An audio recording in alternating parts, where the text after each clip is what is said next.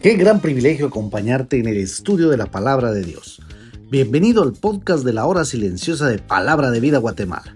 Descubriremos junto a ti los desafíos que Dios nos dará hoy a través de su palabra. Deseamos que hayas tomado un tiempo para leer con anticipación el pasaje del día de hoy.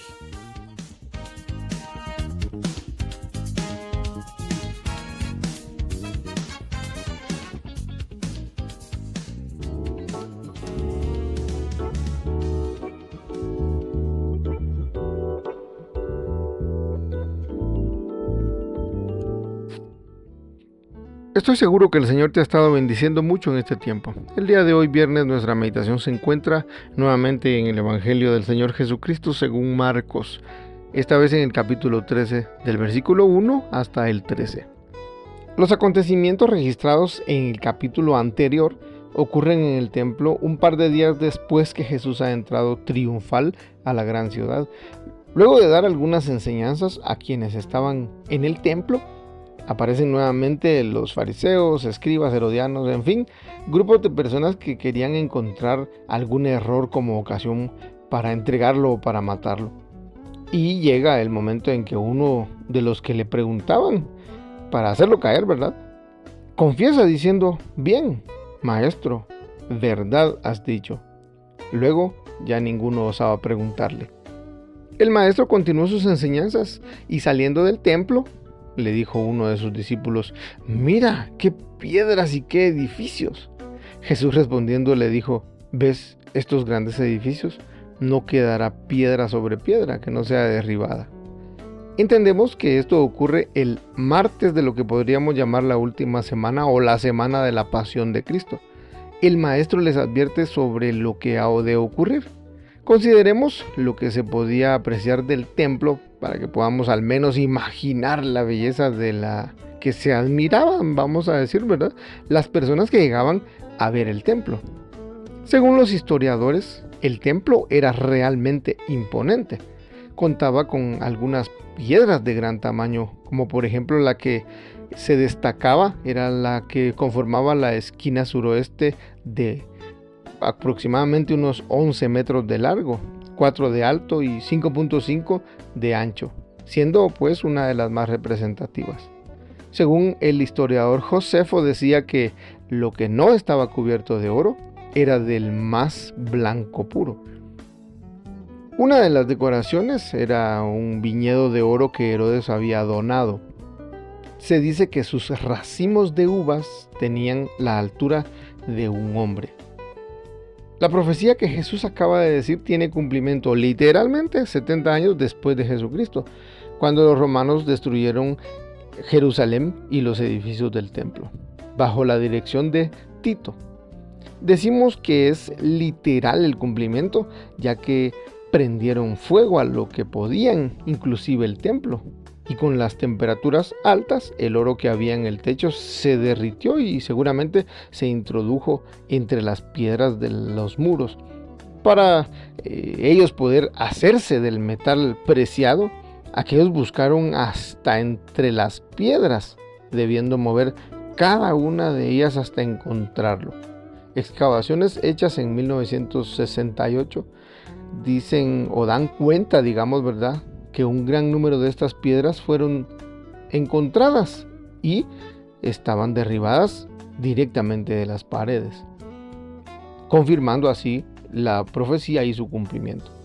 El maestro dijo allá en Mateo 24, el cielo y la tierra pasarán, pero mis palabras no pasarán. El resto del pasaje es un tanto complejo, aún así haremos algunas consideraciones. Marcos indica que fueron cuatro personas quienes hacen estas preguntas. Mateo en el capítulo 24 presenta las preguntas de manera un poco más completas, digamos. ¿Cuándo sucederá? ¿Y qué señal habrá de tu venida y del fin del siglo? Quienes estaban preguntando son humanos preocupados por lo desconocido, en este caso, preocupados por el futuro. Consideramos también que ellos estaban en Jerusalén y muchos de ellos tenían la esperanza del establecimiento del reino, pero en lo inmediato. Y esta es la causa posiblemente de su pregunta. Podemos apreciar, según los estudiosos, tres momentos distintos incluidos en la respuesta del Señor Jesús a partir del versículo 5 de este capítulo 13 hasta el final, es decir, el versículo 37. Diremos que Jesús habla del fin del tiempo.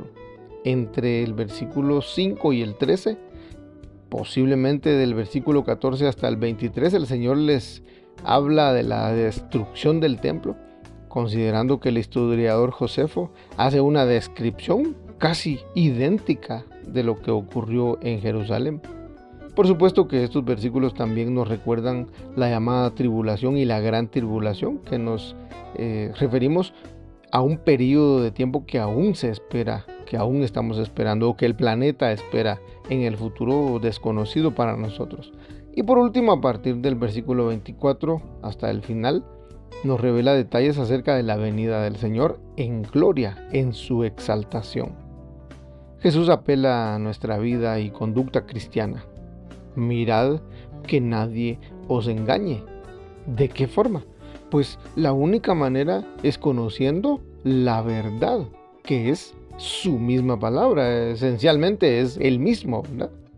De esta manera reconoceremos a aquellos que vendrán diciendo yo soy el Cristo, porque muchos, dice, serán engañados. Hemos escuchado de conflictos armados entre naciones que gastan fortunas construyendo mejores armas para su defensa y ataque. Y tenemos esto ocurriendo hoy mismo. Y se escucha de desastres alrededor del mundo y terremotos en muchos lugares y hambre y alboroto. Pero dice el Señor, no os turbéis, no se alarmen, no se dejen llevar por el pánico, porque esto es solo el comienzo de los dolores de parto. Luego vendrá el fin.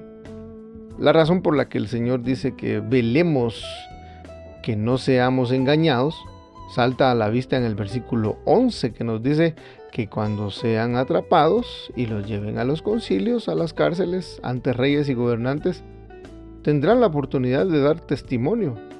Pero pensemos, ¿de qué cosa podemos dar testimonio que sea fidedigno? No sería de nuestra conducta, que por cierto debe ser recta, sino de la palabra de verdad, de esa que se dijo no dejará de cumplirse, no pasará. Dios te bendiga.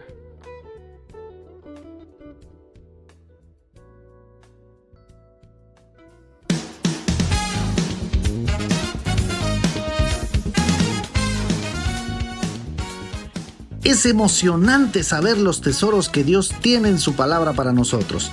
Ayuda a tus amigos a que descubran la voluntad de Dios para su vida. Comparte este podcast con ellos. No olvides seguirnos en nuestras redes sociales.